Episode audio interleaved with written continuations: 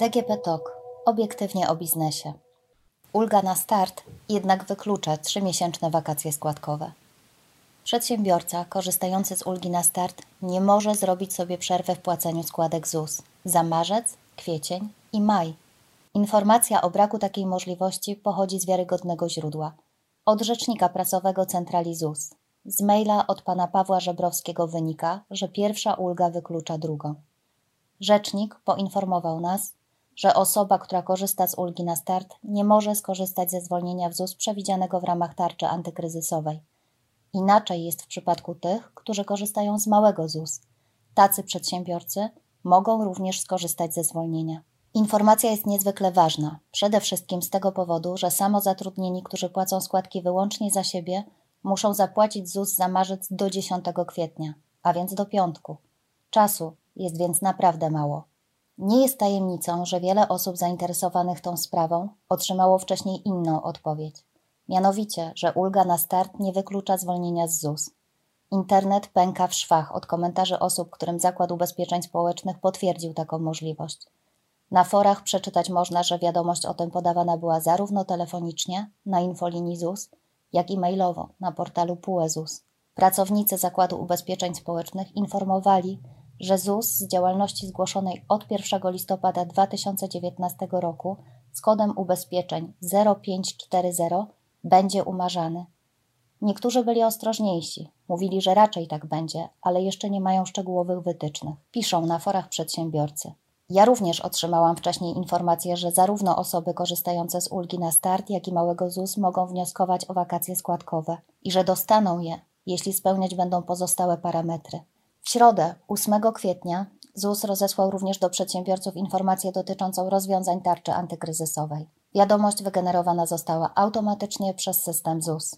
Ze znajdujących się tam załączników w żaden sposób nie wynika, że przedsiębiorcy, którzy korzystają z ulgi na start, nie mogą korzystać z wakacji składkowych. W oficjalnych komunikatach napisano tylko, że zwolnienie dotyczy składek za przedsiębiorcę i pracujące dla niego osoby oraz, że ze zwolnienia tego mogą skorzystać także samozatrudnieni z przychodem do 15 681 zł, jeśli opłacają składki tylko za siebie. Okazuje się jednak, że nie tylko tempo zmiany przepisów jest ogromne, ale również tempo ich interpretacji. Pracownicy Zakładu Ubezpieczeń Społecznych z trudem sobie z tym radzą i sami popełniają błędy. Przejdźmy zatem do sedna, a więc do odpowiedzi na pytanie, dlaczego korzystający z ulgi na start nie mogą zrobić sobie przerwy w płaceniu składek ZUS. Przejdźmy zatem do sedna, a więc do odpowiedzi na pytanie, dlaczego korzystający z ulgi na start nie mogą sobie zrobić przerwy w płaceniu składek ZUS a właściwie składki, bo w ich przypadku w grę wchodzi wyłącznie składka na ubezpieczenie zdrowotne w wysokości 362 zł miesięcznie.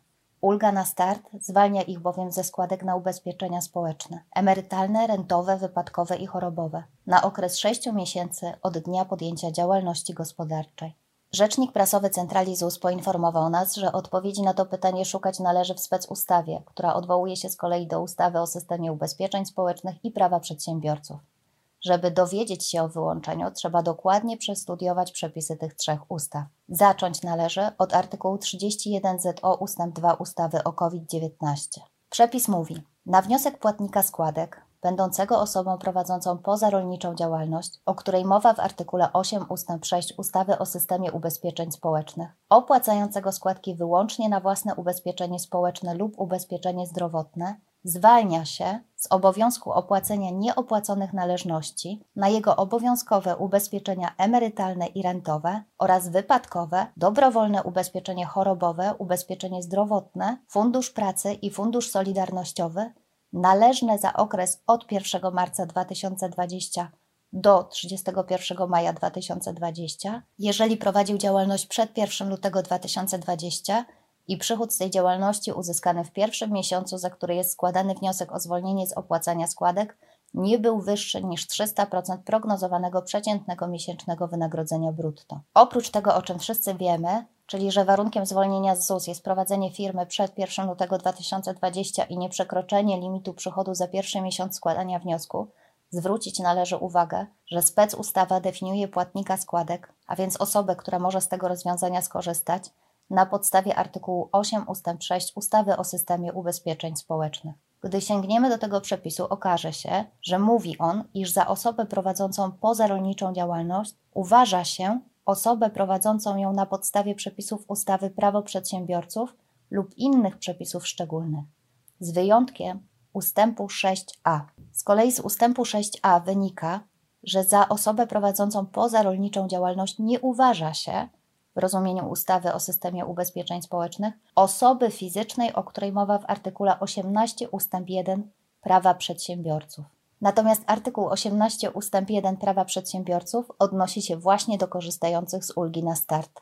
Zgodnie z nim przedsiębiorca będący osobą fizyczną, który podejmuje działalność gospodarczą po raz pierwszy albo ponownie po upływie co najmniej 60 miesięcy od dnia jej ostatniego zawieszenia lub zakończenia i nie wykonuje jej na rzecz byłego pracodawcy, nie podlega obowiązkowym ubezpieczeniom społecznym przez okres 6 miesięcy od dnia podjęcia działalności gospodarczej.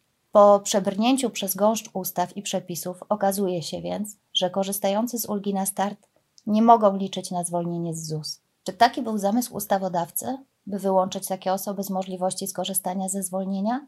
Czy też przepisy uchwalano na prędce i po prostu nie zauważono tego wyłączenia? Trudno w tej chwili odpowiedzieć na to pytanie. Faktem jest natomiast, że wielu korzystających z ulgi na start nie zawiesiło działalności, myśląc, że w ich przypadku zwolnienie z ZUS również się należy. Teraz przyjdzie im zapłacić po 362 zł miesięcznie przez kolejne 3 miesiące. Na zakończenie dodam tylko, że nowa, ulepszona tarcza antykryzysowa niczego w przypadku takich osób nie zmienia, przynajmniej na tym etapie, bo przepis, o którym mowa, nie został zmieniony.